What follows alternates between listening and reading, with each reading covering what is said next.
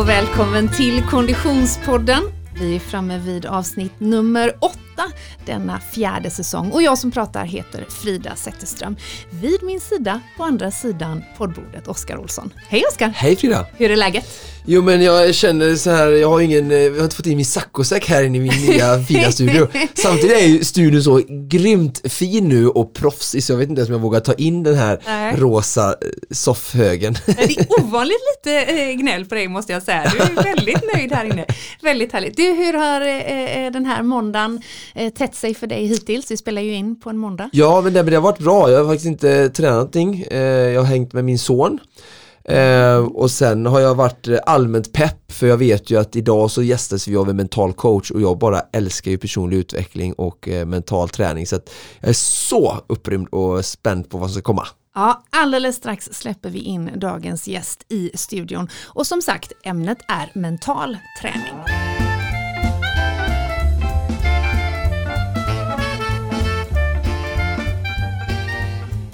Du Oskar, när det här avsnittet släpps ut i eh, eh, eten och verkligheten så är faktiskt du och jag på väg till Stockholm.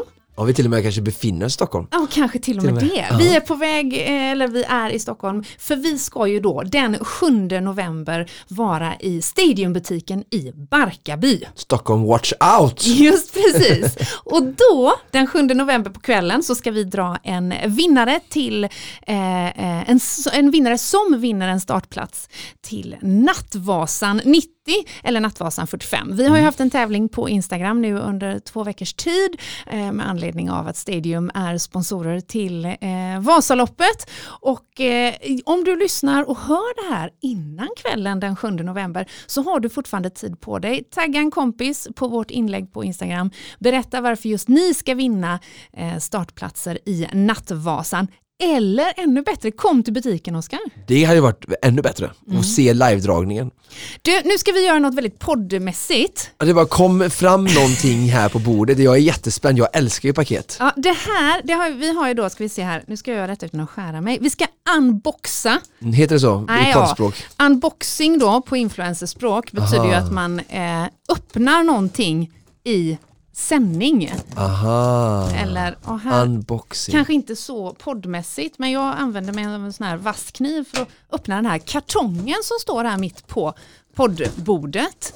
Och så Får jag vara med lite, eller? Jaha, n- nu ska vi se här. Läs vad det står på lappen. Blir Läs så vad det står på lappen. på er. Läs vad det står på lappen! Vad står det? Det står, hej Frida, kul att du ska åka Vasaloppet 2020. Här är ett litet startkit. Hälsningar kompisarna från Stadium. Vad gulliga de är. Du, vi frågar så här, är det rätt färgefrida eller? Ja. Hur kommer passformen vara på detta? Alltså- Det är inte det du brukar ha på dig direkt på dina fina kort på Instagram. Eh, nej men alltså, nu är ju det så att om du som lyssnar inte hörde förra avsnittet av Konditionspodden så tycker jag du kan hoppa över det. Kolla. Eller så lyssnar du då när jag får mitt livs överraskning. I Alltså jag ser fram emot att följa ditt Instagramkonto nu den senaste tiden och se liksom lite ny twist på kläder. Det är ju grönt, det är samma som du har på dig Ja, nu. väldigt snyggt. Det här är alltså Stadiums Vasalopp-kollektion som har skickats Oj. som av en händelse hit. Oj, Ja, woman, medium. Så här har du en underställströja. Grymt nu när du ska köra stavgångsintervaller, det börjar bli lite kyligt. Mm, Vilken tur! Eftersom min största skräck i detta är ju att jag kommer frysa ihjäl. Vasaloppet Eh, 2020. Ja. Jag har hört att det ska bli bara 5 minus i år, inte 25 som det var Det har du redan hört alltså. Gud vad bra. Kolla här, det är jag som gillar träningskläder, jag går ju helt, kolla, en man, den måste vara till mig då ju. Den kanske är till dig. Wow! Ja, kära Konditionspodden-lyssnare. Jag ska lova att eh, träna med henne Stadium. More to come i detta.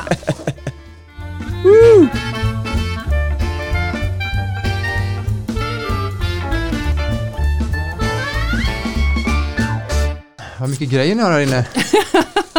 Ja, du skulle varit med här så det. Ska, vi ta de här, ska vi ta de här på oss nu tycker jag? Vilket Ja, paket. fin du Wow. är. Ja. Eh, Niklas, välkommen in i poddstudion. Tack.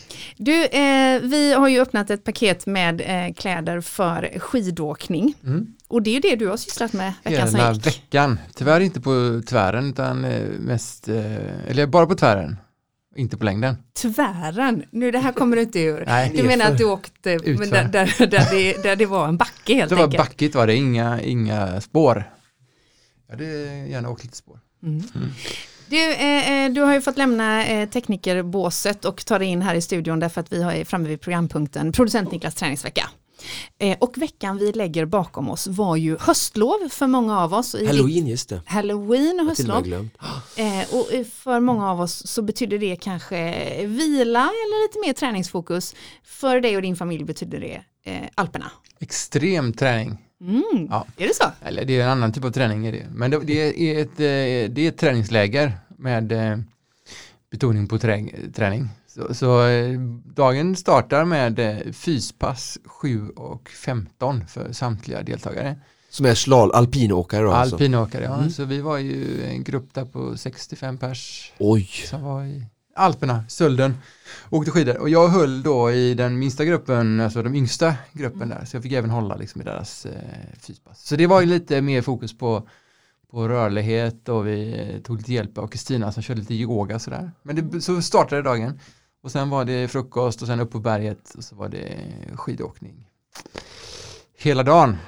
Och det är ju 3400 meter som man befinner sig på så det där med höjden kändes ju faktiskt av. Måste man säga. Det räckte liksom att man eh, behövde ta några extra skateskär så, så stack ju pulsen direkt. Så, så det var en annorlunda träningsvecka. Jag har ju rört mig varje dag och jag har kört några pass, två löppass utöver de här andra alltså de andra träningspassen. Men Mm.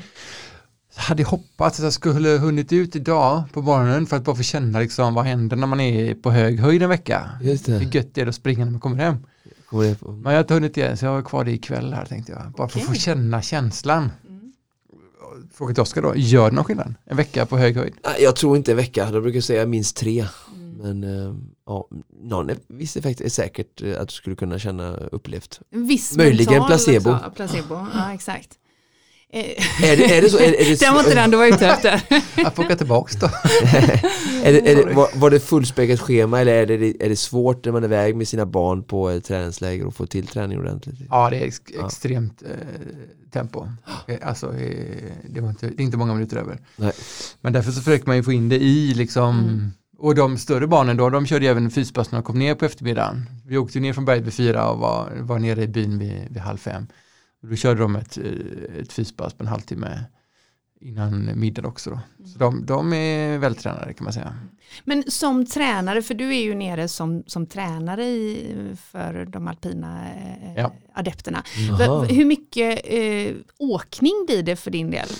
Ja men det alltså, man har ju olika, de yngre försöker vi ju åka mycket med, Mm. alltså så att man, man roterar med dem. Vi sätter ju bana, i det här fallet så hade vi som två dagars ren friåkning där man bara åker och, och tränar på, på teknik utan portar. Mm. Och sen hade vi ju eh, olika typer av banor då, alltså storslalom, eh, vanlig slalom. Jag kan tänka mig att det är mycket springa med pjäxor och eh, ändra och i, i banan också, eller? Ja, lite Ja. så. Nu, nu var vi väldigt väl eh, bemannade och hade med oss duktiga externa tränare också som liksom hjälpte oss med, med banor och, och sådant. Så, men, men jag försöker vara liksom ganska, alltså åka med runt då. Sen är det ju en del, kör ju mer att de står vid banan och Mm. coachar. Alltså titta på dem när de åker banan och så, ge tips och sådär.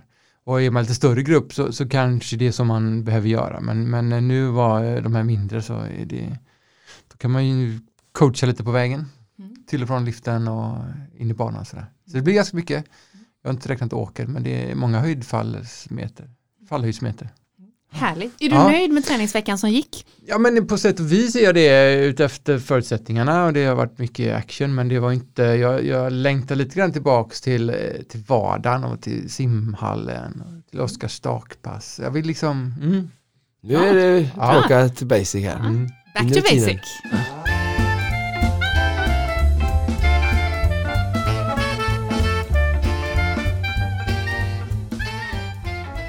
Då har vi fått en gäst in i poddstudion. Hej och välkommen eh, Lasse Evertsson. Tack så jättemycket för det. Du, vi frågade innan om vi ska säga Lars eller Lasse och då sa du säger vi Lars så springer jag. Ja, ja, min syster när vi växte upp, så fort hon sa Lars då visste jag att nu, nu är det fara. Då var det fara Nu var det läge att springa. Så, jag, så Lasse är bättre om jag ska stanna. Ja, det låter bra, då kör vi på Lasse.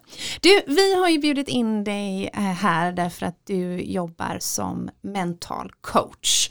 Eh, Både med idrottspersonligheter men också med personer i olika delar av eh, näringslivet och privatlivet. Berätta om ditt yrke, vad gör du?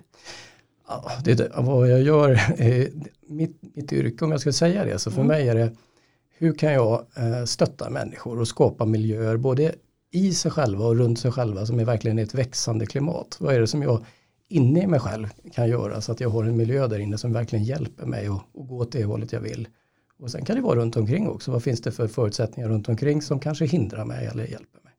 Och det där gör jag, mycket i elitidrott men också i näringsliv och sen eh, privatliv, alltså människor eh, som inte satsar på det sättet men vill må lite bättre. Så det är en mix av allt det här. Jag dristar mig till att tänka att du då ser paralleller mellan eh, en elitidrottssatsning och ett, eh, en företagsledare exempelvis.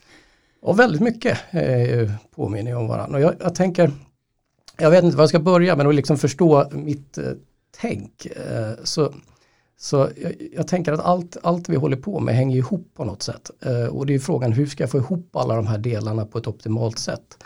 Och det gäller ju oavsett om man är, jobbar i näringslivet eller om man jobbar eh, inom elitidrott. Så Mm. jag, jag, kan, jag vet inte hur, eh, om jag, om jag kan börja bara lite grann. Jag kan ta ett exempel. Jag träffade det här är väl fem sex år sedan, så kom det en man och så sa han kan vi äta lunch tillsammans? Och jag sa absolut, inget problem. Och så kom vi och han. Och vi var på ett ställe och vi satt båda två och så fick vi eh, fisksoppa som vi satt där och tittade på varandra och åt och så säger han så här, jag skäms.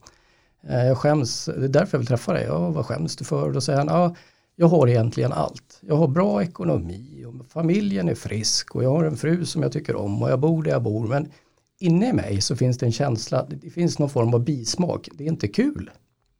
Och vi satt där och åt en fisksoppa och då säger jag, tänk om det är så att livet är en soppa. Och den här soppan består av en mängd ingredienser. Och då skulle man ju kunna tro att om det nu inte smakar gott så är det fel på alla ingredienser. Men det behöver det inte vara. Det kan vara för mycket av något, för lite av något annat. Det kan vara att det saknas krydda just nu eller det är för stark krydda. Kan det vara. Och sen kan det också vara så att jag äter den här soppan på exakt samma sätt väldigt, väldigt, väldigt länge. Så jag är uttråkad helt enkelt. Och för mig blir den där soppan livet, oavsett om jag håller på med elitidrott eller vad jag nu än är i livet, så är det ju vad är det för beståndsdelar jag behöver för mig?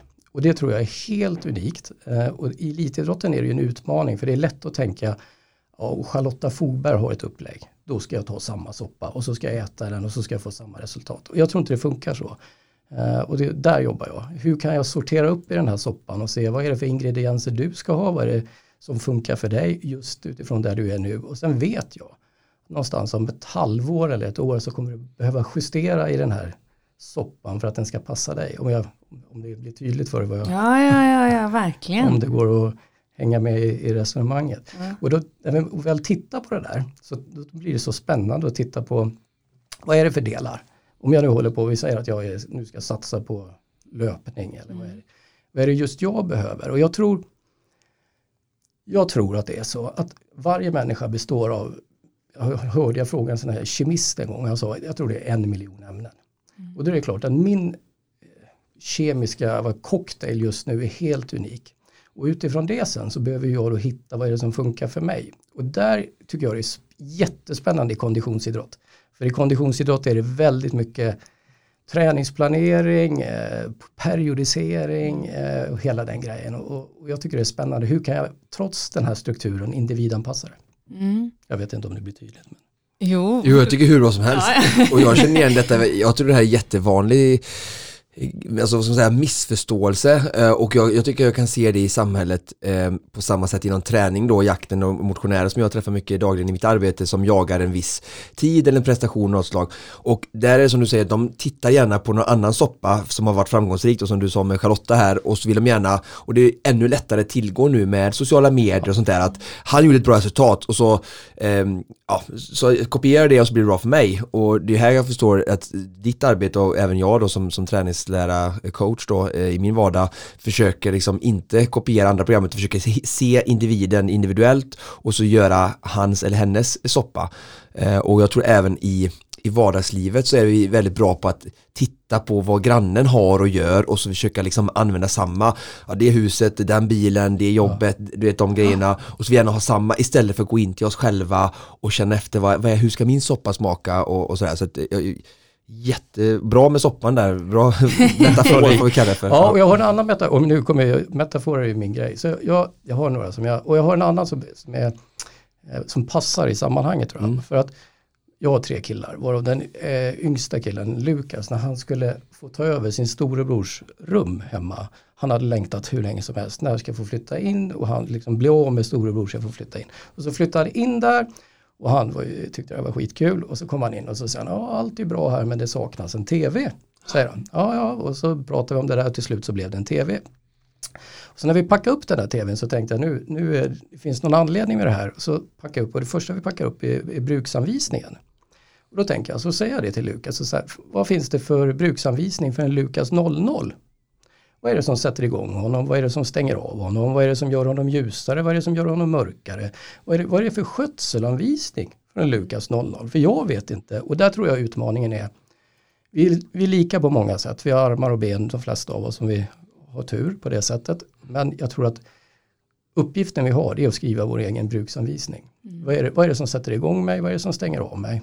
Hur, hur sköter jag om en Lasse 66? Vad är det Lasse 66 behöver för, att, för att optimera det? Och då säger Lukas, det var så roligt, ja skötselanvisningar, det vet jag lite grann, ja, vad betyder det? Ja, hur mycket sömn behöver du? Och så säger jag så här, ja men vad, om du inte sköter om det, finns det någon liksom säkerhetsrisk? Ja, säger han, om för lite sömn då, då exploderar jag. Så ja, och jag tror det är precis likadant. Och där blir det som elitaktiv tror jag, om jag har som uppgift och tänka så här, jag ska skriva min egen bruksanvisning för hur jag funkar och ta reda på det och lära mig av allt vi gör så ska jag ta reda på hur funkar jag. Och då tror jag det blir en helt annan ram än att säga så här, ja, jag ska ha en viss tid eller jag ska prestera på ett sätt, utan då blir det mer en upptäcktsfärd eh, och jag tar ansvar för eh, och respekterar det som är, är jag. Kan det vara, när, när, när jag hör er två resonera så är det ju, det, det är klart, ni, ni, ni är ju inne på samma spår för att, för, för att ta i, håller jag på att säga, för att inte ta i. Eh, Men jag tänker så här, kanske kan man känna som lyssnare att det är ett så stort steg. Alltså att det, man, vi lever i ett samhälle med mycket quick fixes och man, är, man gör ett träningsupplägg och man bara sätter igång och börjar träna. Men, men att, liksom att skapa hela den här mentala balansen kanske känns som ett väldigt stort steg. Vad, vad säger du Lasse, finns det några liksom insteg i det där eller hur, hur kan man göra? Ja, ja, jag har ett, ett sätt. Ett, alltså jag tror att det, det kan upplevas stort och sådär. Fast jag tror inte det är så stort. Jag, jag tänker på det. Jag gillar att tänka på eh, människor. Om livet är en soppa så är en människa ett hus. Jag gillar att tänka på människa som ett hus. Och antingen så kan det här huset vara ett växthus. Alltså eh, där inne är det varmt och gott eller så är det något annat. Kanske en frys eh, i vissa människohus. Och, och i mitt sätt att se det så tänker jag att ett hus, om jag ser det här huset uppifrån och tittar på planlösningen på det här huset. Om jag lägger ett, papp, ett vitt papper på, på en bänk och så ritar jag en rektangel och så delar jag det i sex delar. Så tror jag alla hus behöver sex rum. Eh, och de här rummen, jag tror att alla hus behöver ett sovrum. Jag tror att alla hus behöver ett kök med en kost som är anpassad till mig. Jag tror att alla hus behöver ett rörelserum, alltså någon typ av träning. Jag tror man behöver ett vardagsrum, alltså umgås med andra människor. Jag tror livet är ett tillsammansprojekt. Jag tror det behövs ett arbetsrum. Ja, och så, så behövs det, uh, vilka, nu vet jag inte vad ens, väl ett, leker, ett Ja, lekrum. Behövs det. ja. Om jag nu tittar på det där och så ritar jag upp det och det var vad jag gjorde med den där mannen. Så sa jag så, om vi nu tittar på din soppa så delar vi in det i de här rummen. ja, Hur ser ditt hus ut? det. Och så ritade han upp då. det. Ja, och så ritade han upp det och så upptäckte han att jag har bara tre rum. Mm. Jag har ett arbetsrum som är jättestort. Jag har ett sovrum som är okej, sover bra sa han. Och ett kök som är jättestort för jag gillar mat. Ja. Och det var det som fanns. Och så om jag nu tittar på det och så kan jag säga så här, ja, vill jag flytta in här? Vad- vad Förtydliga för, eh, för lyssnarna nu. Prat, pratar ni om hur hans faktiska villa där han borde vara eller pratar ni om hans egna hus? Hans egna. I- innan i hans själva. Ja, ja, ja, det kanske behöver förtydligas. Ja, ja. Ja, ja. Ja. Jag tänker så här, om, jag tänk, om han fick tänka sig som ett hus. Vad har, och han fick se sig själv utifrån och han fick rita upp det och säga hur ser mitt liv ut?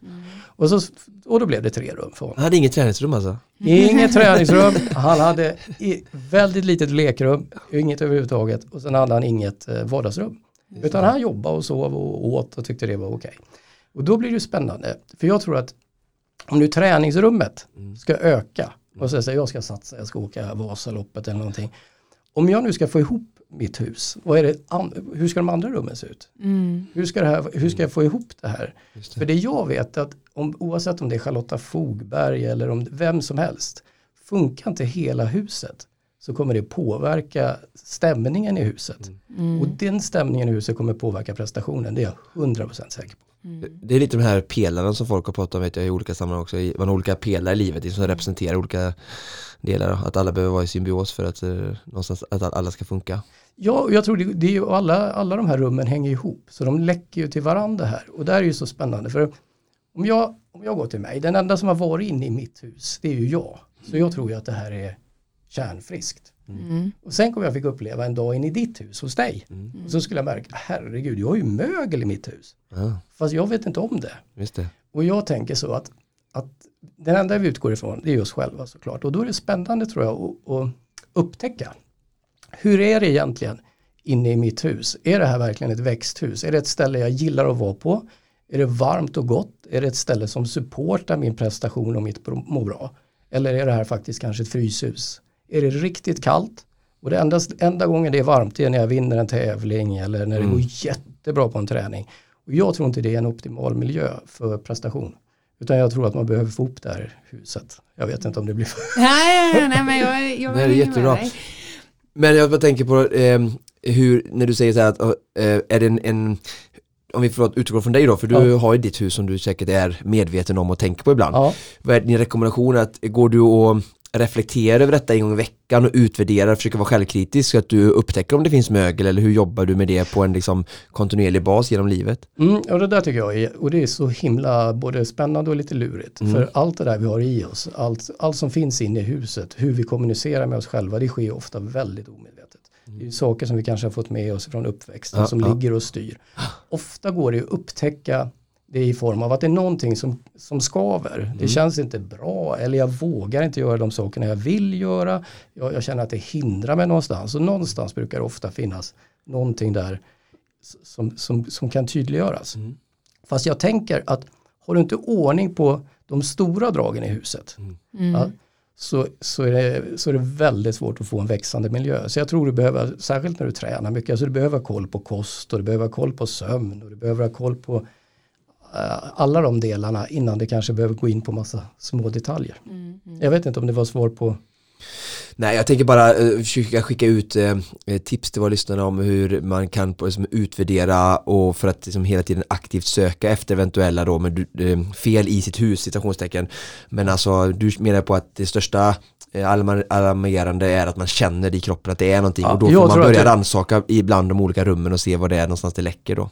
Ja, jag tror det. Och där upplever jag i konditionsidrott så finns det en jätteutmaning. För jag upplever att alla som jag har jobbat med i konditionsidrott, de är så inne i träningsprogram, så inne i periodisering, så mycket inne i puls.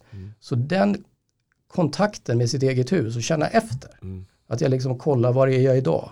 Vad är det jag behöver idag? För lekrummet och vardagsrummet är ju lika viktigt för en elitidrottare som en vanlig människa. Jag tror att vilan, är ju det, alltså elitidrott är det svåraste. Hur optimerar jag vilan? Mm. Så att jag är full av kraft när jag ska träna. Och då är ju till exempel lekrummet ett, ett, ett viktigt rum. Eller, Jag, jag, jag, jag eh, fascineras ändå av att höra eh, Rasse när du berättar för att jag tänker att eh, eh, det här är ju eh, eh, det är väldigt bra sanningar för det, det kompletta livet men jag tänker att när du har jobbat med de här elitpresterande personligheterna inom framförallt idrott, jag vet att du har jobbat med eh, golflandslaget under tio års tid till exempel, ehm, så är ju det människor vars träningsrum är oerhört mycket större än eh, vad det är för många andra och det måste ju vara på bekostnad av vissa rum för de har inte fler timmar på sitt dygn.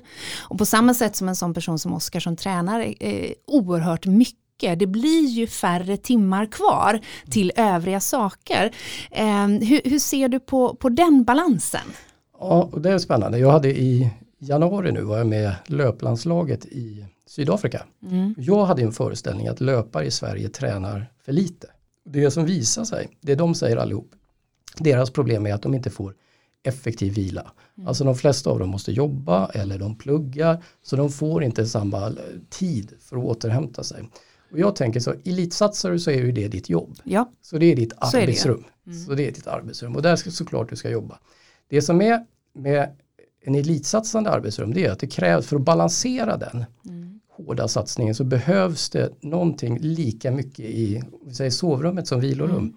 Hur kan jag optimera det? Vad kan jag hitta för sätt för att tåla den belastning som jag faktiskt måste utsätta mig för? Och där tror jag det finns olika olika sätt. Precis, o, män, människor är olika, jag tror man behöver olika saker. Men det svåra är oftast, det är ju den delen, hur skapar jag tillräcklig återhämtning eh, för att tåla träningen. Och det är klart att det, det blir ju kanske på bekostnad på vardagsrummet, jag kanske inte kan umgås med mina kompisar lika mycket. Träningsrummet behöver ju inte elitidrottare, de har ju det hela tiden så det blir något annat. Så jag tror det går att få ihop det, sen så är det klart att det blir mindre under perioder. Så det är ju helt klart. Och eh, när jag elitsatsar så kommer det vara ett smalare liv. Eller ett, rummen i husen kommer se annorlunda ut. Men rummen tänker jag, även om, om man tänker att rummen, om man skulle göra som, bygga på det Frida säger, att vi antar att rummen har olika kvadratmeter Mm. baserat på hur många timmar du lägger dig, om du förstår vad jag menar. Ja. Eh, och det är klart en elitidrottare då har kanske mindre timmar, alltså mindre kvadratmeter stort vardagsrum för Ja. att hen eh, tränar mycket. Eh, och ha ett större arbetsrum då som är Ja. ens arbete. Men eh, det kan ju ändå betyda, man kan ändå prata om, eller skulle, min fråga är så till dig, vi kan väl prata om kvaliteten eller ordningen och redan i respektive rum också. Ja. Även om storlekarna kan skifta lite från individ till individ beroende på vad hon eller han känner att hon eller han behöver så kan det ändå vara mögelfria rum. Eller att de faktiskt finns, som du pratade om han du åt soppa med, han hade bara tre rum. Ja. Och, och, men liksom så här, men, ja, som Frida säger, det här rummet är jättestort för det tar en stor del av dig, men det är okej så länge de andra sex rummen finns och att de är mögelfria Ja. så är det okej att det skiftar liksom kvadratmeter Mm. storlek. Absolut, och det där med mögel det, det blir ju spännande att konkretisera. Vad Ja, skulle liksom ja. mögel Mm, kunna mm, vara? mm. Eh, och, och där tror jag, det jag upplever i elitidrottsvärlden och i näringslivet är nästan lite samma sak. Ja. Det är ju, det svåra är hur hanterar jag det där inne i mig själv? Hur är jag mot mig själv, både när det går bra, men framförallt när det går tokigt. Eh, Alltså vad är det som sker där inne? Och jag hävdar att det är extern misshandel, att någon slår på någon, det respekterar ju ingen, liksom, det ska man inte göra. Men intern misshandel, alltså låt säga att, att vi gör den här grejen tillsammans idag och så upptäcker vi alla tre att det här gick ju käpprätt åt skogen. Mm. Ingen risk än kan jag säga. Nej, nej men om det skulle vara så. Så är ju frågan, hur hanterar vi det här? När vi sätter oss i bilen, slår vi på oss själva och talar om vilka idioter vi är, vad korkade vi var eller allt det där. Eller hur hanterar vi det? Mm. Hur vi hanterar det kommer sen skapa en miljö till nästa gång. Så antingen är jag rädd för hur mina egna responser, alltså jag är lite rädd för mig själv. Inne i mig själv. Och det där är så spännande för vågar jag vara ärlig med mig själv och säga så här, men vänta du, jag går det tok så slår jag på mig själv, ligger och ältar skit och håller på där inne och tror att det ska vara en växande miljö. Eh, och jag tror inte det är det. Det. Utan det är frågan, hur kan jag där inne då hitta sätt? Och de sätten, så, om vi tar det som ett konkret exempel, så, så jag tänker att människor behöver göra som, som träden gör på hösten. Alltså det, det träd gör på hösten det är att man suger in näringen i löven, det är grönt och heter klorofyll. Och sen när man har sugit in det så släpper man. Det är så det funkar. Släppa och gå vidare. Ja, släppa. Och då är det frågan, hur gör man det systematiskt? I min värld är det, jag tror man behöver ha fyra frågor. Som, och de frågorna tycker jag, i mitt hus, så vi, behöver jag, när jag mår bra och allt är eh, okej, då, då ställer jag dem naturligt. Men de, när det är lite tufft i livet så behöver jag hjälp. Och då är de frågorna som jag tycker man ska ställa hela tiden. Vad har jag gjort bra? Vad har jag lärt mig? Vad kan jag utveckla och hur? Och hela tiden fortsätta med de frågorna. Så det blir en bak- Niklas skriver upp dem eller? det blir som bakgrundsmusik Mm. inne. Och för den där kommunikationen som sker inne i våra hus, när vi blir tydliga med, är det här verkligen bra för mig? Är det här verkligen ett växthus? Eller är det så jag slår på mig själv och är hård mot mig själv? Så egentligen är det en frys. Jag går omkring i en frys och jag och det, jag har inte sett något växa i ett fryshus. Men du, jag tänker att eh, eh, mycket av konditionsidrotten är ju trots allt prestationsbaserad. Ja. Och mycket av resultaten är ju just resultatinriktade. Vi mäter eh, tider, framgång, eh, placeringar. Eh, och, och, och, när man då ska göra en utvärdering på varför det gick som det gick Mm. så är det ju klart man ska inte slå på sig själv såklart men det är ju ingen annan som har sprungit det där loppet Absolut där man placerade sig på en viss position. Hur jobbar du som mental coach med att ta atleten vidare i det läget?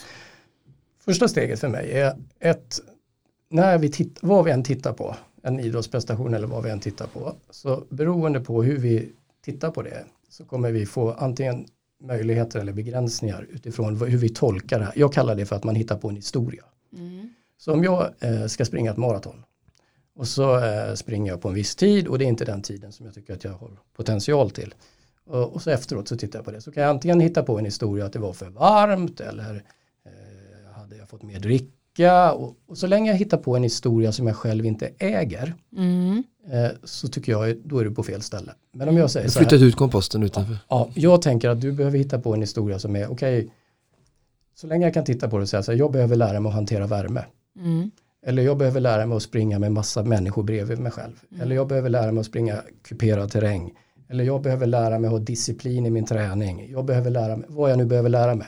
Då äger jag historien och då kan jag göra något åt den. Och den, där är jag rätt Wow. krass.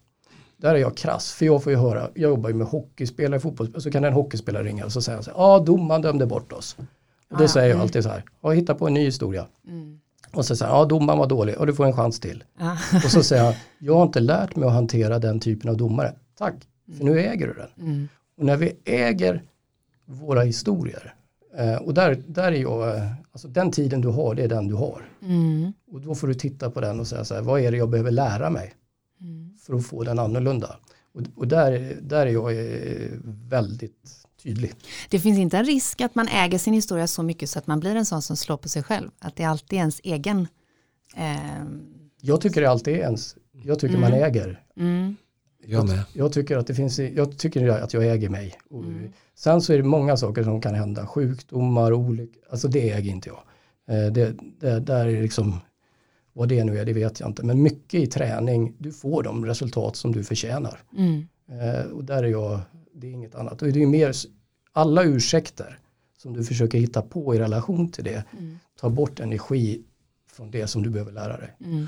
Och Jag måste bara flika in, jag hör sånt här varje dag Ja. och jobbar själv med det jättemycket och när jag försöker då att och jag känner, jag märker det hur, och jag, jag, jag vill inte, eh, jag riktar inte eh, eh, så att säga, något ont finger, finger åt dem jag coachar utan mer, jag förstår att det är mycket lättare för mig som objektiv att se det på det här sunda sättet som du beskriver som jag anser att varje individ behöver komma till själv någon gång också. Men när jag gör den här, ja, tittar på ett lopp med en adept att de har gjort det och det kommer mycket förklaringar och ursäkter som du säger där de inte äger det själva så det blir lättare för mig som inte har någon liksom koppling till det och genomlidit som Frida att göra det här. Så att jag, men jag, mitt mål är ju hela tiden att, att de ska komma och kunna göra den här utvärderingen och få det här synsättet själva för att jag vet ju själv när jag kom till det synsättet hos mig själv så blir det mycket lättare att fortsätta med min idrott och mina mål och mina, min passion eh, när jag ägde det själv på det sättet som du beskriver. jag, alltså det låter ju jättelätt. Jag kom hem för, det var inte alls länge sedan, jag kom hem hemma och så säger jag så ja då hade jag hållit föreläsning på något bankgäng och så satt det ett gäng herrar längst fram med kostym med armarna i kors. Och så kom jag hem till Pia och så säger jag så åh! Och så hittar jag på någonting, vilka sur personer och jag på allting och så säger hon bara, hitta på en ny historia. Ja, bra! Och så, och så landar det i, ja, och så landar det i, ja jag behöver lära mig att hålla föreläsningen när någon sitter med armarna i kors. Mm. Och det äger jag. Det behöver jag lära mig. Ja, hur ska jag lära mig det? Ja, det är en annan femma. Så där tror jag, det betyder inte att jag slår på mig själv. Nej. Utan det betyder för mig att jag är i en process där jag har massor med saker jag behöver lära mig. Och där, så länge jag äger det så kan jag påverka det. Och där tror jag är en jätteskillnad mot att lägga bort förklaringar, ursäkter och hittepå hit och dit. Eh, som jag tror är, är lätt att hamna i. I alla fall för mig ibland. Lasse, vad skulle du säga att en eh, elitmotionär eh, skulle kunna plocka för tips och tricks i mental träning utav eh, sånt som en eh, elitidrottare använder sig av? För det är ju precis som du inledningsvis sa Oskar, att många utav våra elitidrottare eh, har ju plockat in eh, mental coaching som en del av sin vardag såklart, för det är ju naturligtvis ett etablerat begrepp idag. Men vad kan vi som, som, som eh, vanliga dödliga motionärer lära oss utav det? Ja, alltså ett, jag tror att vi alla är olika. Så att det här gäller ju, vad är det jag behöver? Mm. I, och där är alla hus olika. Så det är ju, om jag nu skulle generalisera, mm. så ta, om jag tar för min egen träning, om jag tar och går till mig själv så, det, så behöver jag vara tydlig med vad är min intention med träningen? Mm. Vad är det jag vill uppnå? Om jag säger, ja för mig är det, jag vill vara energi och känna mig frisk eller om jag nu elitidrottar så blir frågan, vad är, vad är intentionen med det allt jag gör? Vad är det jag faktiskt eh, vill uppnå med det här? Mm jag tror det, om det är tydligt och det är någonting som jag verkligen, om jag nu har ett mål med ett lopp eller någonting och det är något tydligt som jag verkligen kan se framför mig, jag kan eh, känna det, eh, det där skulle jag verkligen vilja uppleva och det är lockande. Mm. Eh, då kommer jag stå ut med de här passen som inte är lika lockande för jag har någonting längre fram som, som drar mig. Mm. Och det tror jag, min erfarenhet med alla elitidrottare så har de något sånt tydligt yeah. och det är inte något diffust ord eller en tid på, på ett papper utan det är verkligen något som de inne i sig själva upplever som en film eller mm. som en, en, en, riktig upplevelse som, som verkligen får dem att orka sätta på sig skorna när man kanske skulle vilja ligga kvar hemma. Eh, som ett exempel. Det tror jag är en grej. Och sen en sak till som jag upplever att de absolut bästa och det är generellt för alla idrotter. Det upplever jag att de har väldigt god kontakt med sitt eget hus. Mm. Så de har, kan lyssna in mm. sina signaler och känna skillnaden på för om du, om vi säger att du är ute och springer och så ska du utmana dig själv lite och så känner du att nu börjar du ta emot. Och känna skillnaden på, är jag lat om jag stannar eller är jag smart? Mm. Alltså om jag är lat så är det bara, jag behöver pressa mig själv och hitta tekniker för att orka gå vidare. Men är det smart så är det, ja, just nu är det, kroppen säger att jag ska stanna för annars blir jag skadad där är de tränade i att lyssna på kroppen mm. och känna av. Och tittar då för mycket på träningsprogrammet mm. och periodiseringen och tittar för mycket på pulsklockan. eller vad grannen gör. Eller vad grannen gör. Konkurrenten. Ja, så har jag lätt att tappa massa värdefull information som jag tror kroppen, jag tror kroppen bara vill hjälpa oss och ge signaler om att göra mer av det här eller mindre av det här. Och det, det behöver tid. Eh, där har jag ett förslag som jag, tycker, som jag nästan alla elitidrottare jag jobbar med gör, eller väldigt många gör, 20 minuter varje dag så kör de långsamma rörelser med kroppen. De lägger sig och rör kroppen, typ yoga, mm. varje dag. Och det är bara för att effektivisera vilan. Hur kan jag få, när jag utsätter det för så hög belastning, hur kan jag sen fort komma ner i varv, komma ner i varv så kroppen får återhämta sig. Så de kör ofta 20 minuter och när det är mycket utsatt för mycket träning så kan det vara mer än det. För att balansera upp det. Och det är någonting som, ta den stunden, om det är meditation eller yoga eller tai chi, mm. den stunden att vara med sig själv och sin egen kropp. Mm. Och känna igenom kroppen. Mm. Ja, och bygga relation med mm. sig själv. Det skulle jag, det är de bästa duktiga på. Antingen har du lyckats coacha väldigt många av dem vi har intervjuat eller så har ju det här faktiskt då spridit sig för det här har vi ju hört flera elitidrottspersonligheter prata om. Skulle du säga, för du har ju hållit på i 25 år, att den insikten har ökat med åren? Eh, eller har, om du flyttar tillbaka klockan eh, till här, sent 90-tal. Var, mm. var, var, var elitidrottarna lika insiktsfulla om att det var det som behövdes då? Jag tror de var i en helt annat Eh, deras hus var en helt annan värld.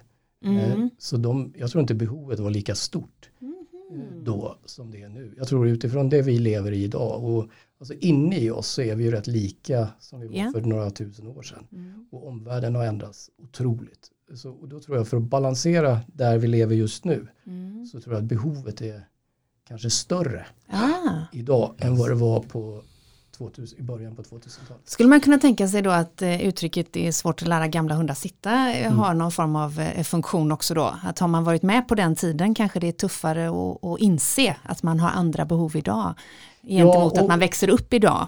Och sen så tror jag om vi nu skulle ta, kommer jag på nu, men om man skulle tänka att friidrottsvärlden är som en liten by med olika hus mm. så finns det en kultur där i konditionsidrotter upplever jag att det finns en kultur som säger att det är väldigt viktigt med träningsprogram och man följer dem slaviskt och man ska inte missa ett pass. Och jag upplever inte att den kulturen har funnits där jag varit i alla fall. Där det är lika viktigt att lyssna in och känna av var är jag, vad behöver jag. Mm. Eh, eh, så det tror jag är lite i olika idrotter och olika eh, mm. kultur. Och, och, där kan jag uppleva, men jag tror att det är större behov idag än vad det var för 20 år sedan kanske. Mm. Spännande. Ja. Du, hur mycket träning Lasse är det i ditt eget liv? För min del är det, och det var spännande, det startade för sju år sedan tack vare Johan mm. Så jag springer eh, varannan dag. Jag springer mellan 9 km och 12 km varannan dag. Mm. Eh, året runt. Så länge jag inte känner att jag är eh, sjuk. Mm. Eh, sen mediterar jag 20 minuter varje dag. Mm. Eh, finns med i min, eh, så det är det jag gör träningsmässigt. Johan som du refererar till Wettergren är ju coach bland annat för Charlotta Foberg och har gästat oss här i Konditionspodden. Han har skickat med en fråga. Ja. Eh, vad är du mest rädd för? Att springa Göteborgsvarvet eller åka minibuss i Sydafrika? Uh, mest rädd är jag nog, uh, ja jag vet, Johan uh, har, har, Den kräver en förklaring. Ja, alltså, kräver, ja, vi var i Sydafrika tillsammans i januari och så skulle Johan skicka hem mig, köra, han sa det kommer en jättebra minibuss som ska köra dig till flygplatsen. Och i den där bussen så var det fanns plats för nio personer och åtta satt när jag skulle hoppa in varav sju var kraftigt överviktiga. Så jag skulle tränga mig ner emellan, och ni som inte ser mig nu men jag är inte jättestor, och skulle tränga mig ner mellan två gigantiska människor som luktar fruktansvärt och, och, och de satt och käkade chips hela mm. resan och jag skulle sitta där i tre timmar. Och jag, jag, jag hade haft möjlighet hade jag hoppat av men det var liksom, jag var livrädd i Sydafrika att nu, här är farligt. Så jag satt där ihopklämd i tre timmar mellan de här två och de, Ja, oh, herregud. Så jag tror att eh, jag är mest rädd för att hamna i den bussen igen. Okej, okay, blir det Göteborgsvarvet i vår då? alltså jag, för mig, jag, jag, tror att det här är ju intentionen. Jag, för mig, jag springer ju inte för att jag, eh, jag, vill in, jag behöver inte mer tävling i mitt liv. Mm. Så jag har valt bort alla, jag kör inga lopp, eh, jag behöver inte det för att motivera mig utan jag springer för att jag älskar det och jag tycker det är fantastiskt härligt. Men jag, skulle jag anmäla mig så är jag helt säker på att jag skulle börja göra träningsprogram och så skulle jag bli helt nördig och så skulle rörelserummet bli gigantiskt. Och så, så, jag känner mig så du har inte helt egen självkontroll då alltså? Jag, jag känner mig Eller också är det det du är. Alltså jag, ja, jag tror att jag, så för mig, jag har valt bort det. Jag, jag, jag springer för att jag, jag bara älskar att springa. Jag tycker det ger mig så mycket. Men, men Oskar, hur, hur tänker du kring mental träning?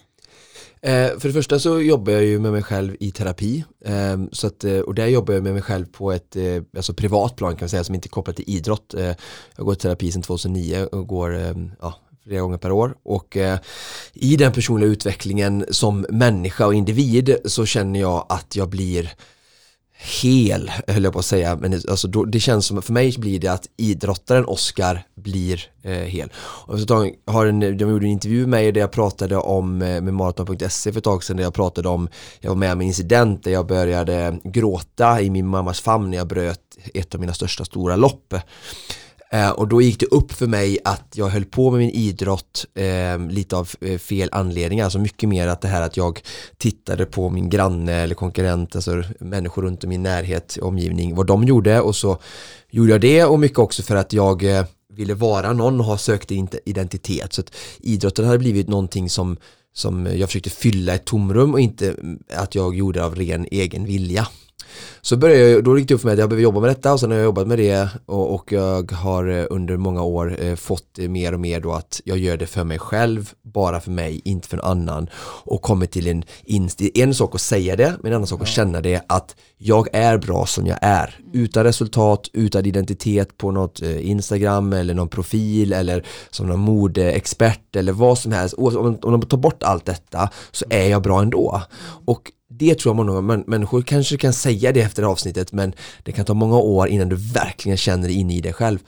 Så att svaret på min resa är att det är så jag har jobbat med det. Ehm, att, alltså, att jobba med mig själv på ett privat plan och då eh, har jag blivit eh, bättre i mitt yrke, jag har blivit bättre eh, partner hoppas jag, eh, som en vän till mina vänner i min familj och även som idrottare då att möta motgångar och, eh, och komma till en, jag har inte hört, det var väldigt fint eh, när, när Lasse namngav det och säga att jag äger då min Eh, min historia eller mina lärdomar i misslyckanden på tävlingar och sådär och eh, jag känner verkligen nu när han säger så att det är så jag har kommit till den insikten att jag äger mina misslyckanden och har ett val på hur jag vill välja och möta dem för att sen kunna gå vidare och bli bättre och där är mycket då förståelse och, och, och för, för mig är inte förståelse detsamma som lathet eller svaghet utan det är en- styrka i förståelse eh, och att vi ska jobba mer med det istället för att slå på oss själva. Jag- Men det här är spännande när du väljer att säga misslyckanden. För det är, ju, det är ju frågan om det är det. Mm, ja. det, det är så, så som individen kanske missuppfattar det i, i, i stunden. Och det är så jag säger i folkmun, men själv så är det verkligen, ser jag det som utveckling då. Ja, och det är erfarenheter. Ja, ja. Och det där tror jag är så himla skillnad. Beroende på vad du sätter för ram runt det. Så där tycker jag är så.